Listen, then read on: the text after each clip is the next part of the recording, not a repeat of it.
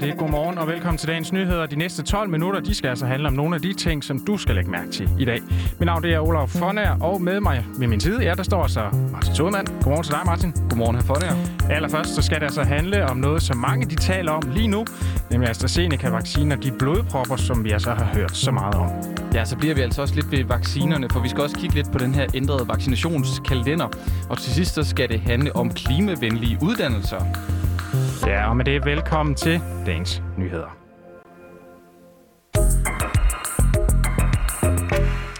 For det første, så skal det jo handle om det, der har fyldt meget de seneste dage, nemlig vaccinen fra AstraZeneca. I dag der er det planen, at det europæiske lægemiddelagentur, også kendt som EMA, de vil melde ud om en række tilfælde af blodpropper, de har nogen som helst sammenhæng med, at de personer de altså har fået den her vaccine. I sidste uge der var det altså det, der var med til at sætte en pause for vaccinen her i Danmark. Men selvom de her historier om blodpropper, de garanteret har sat gang i en masse tanker hos folk, så har Karen Krofeldt, der er professor i medicinsk mikrobiologi på Roskilde Universitet, altså taget det ret roligt. Indtil videre har man fået rapporter både fra Danmark og andre europæiske lande, at øh, folk efter vaccination har følt sig ubehag, og nogen har fået øh, små blodpropper. Og så er det spørgsmål, hvordan man kan tolke det. Fordi hvis man kigger på det øh, i et større perspektiv, så er det ganske almindeligt, at folk får små blodpropper indimellem. Og mange gange er det uforklarligt, og nogle gange øh, kan det forklares med øh, at de har haft noget medfødte hjertefejl eller medfødte blodkar forsnævringer, som de ikke var klar over. Ja, altså, hun får det til at lyde som om noget, der kan ske sådan lidt uh, almindeligt, men det er jo en grund til, at man uh, sætter den på pause, tænker jeg, Ola.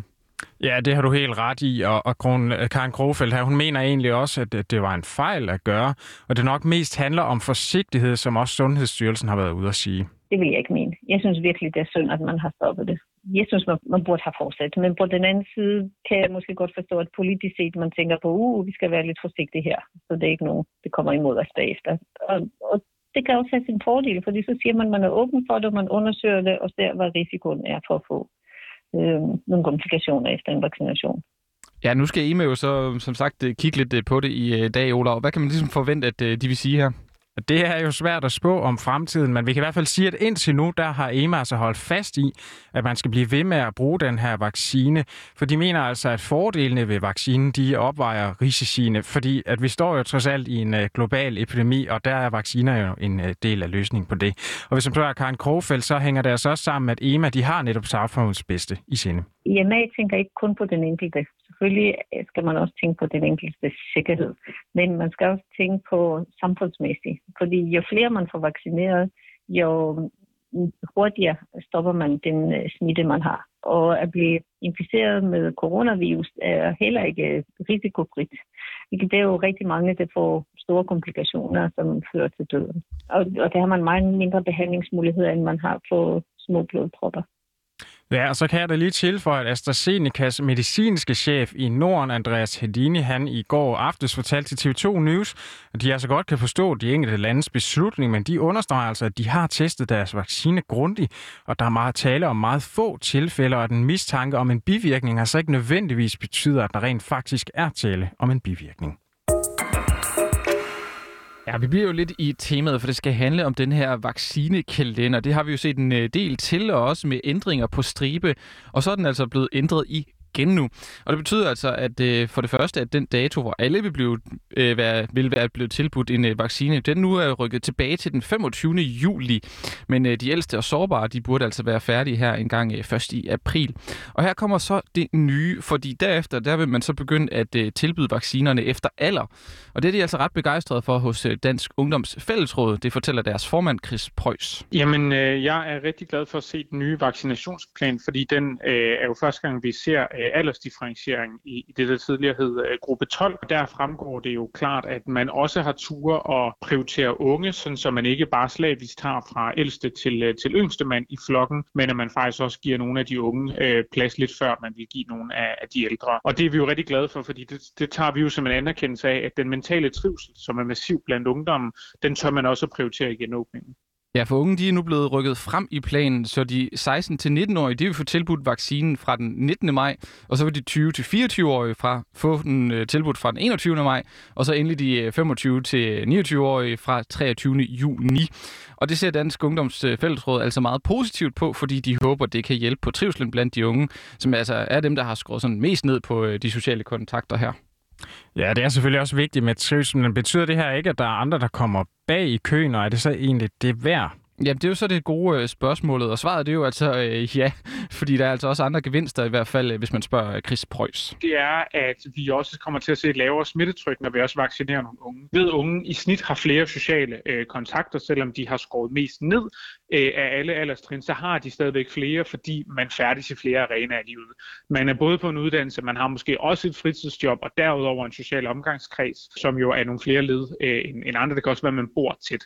Så hvis det, hvad vi øh, har en forhåbning om, at vaccinerne de rent faktisk også stopper noget smitte, så betyder det, at vi får unge frem i køen jo også, at vi forhåbentlig kan genåbne flere dele af samfundet hurtigere.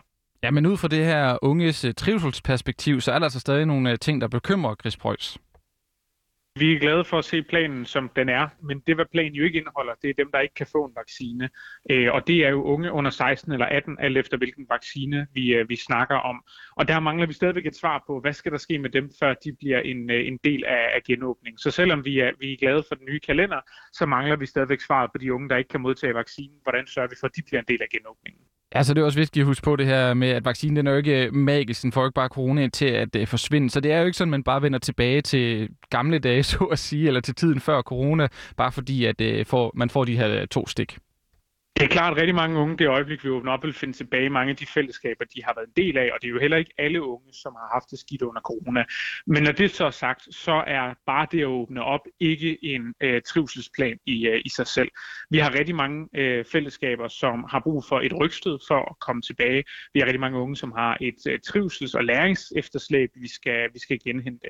Og derfor er der også behov for, ud over genåbning, at få en større samtale om, hvordan er det, vi får øget trivsel blandt vores børn øh, og unge, Hvordan får vi unge tilbage ind på arbejdsmarkedet, dem der har mistet deres arbejde? Hvordan får vi nogle af de genvundne timer, eller de tabte timer i skolerne genvundet osv.? Så det her det er et rigtig godt første skridt, men vi mangler stadigvæk en større samtale om, hvordan vi kan understøtte den trivsel, når vi kommer tilbage i vores fællesskaber. Ja, så skal man måske også lige huske, at Dansk Ungdomsfællesråd, som vi lige hører Chris Preuss herfra, det jo er en interesseorganisation. Så de har sikkert også nogle bud på, hvilken vej vi så skal til at gå nu. Ja, selvfølgelig, og det synes jeg da bare, vi skal høre her.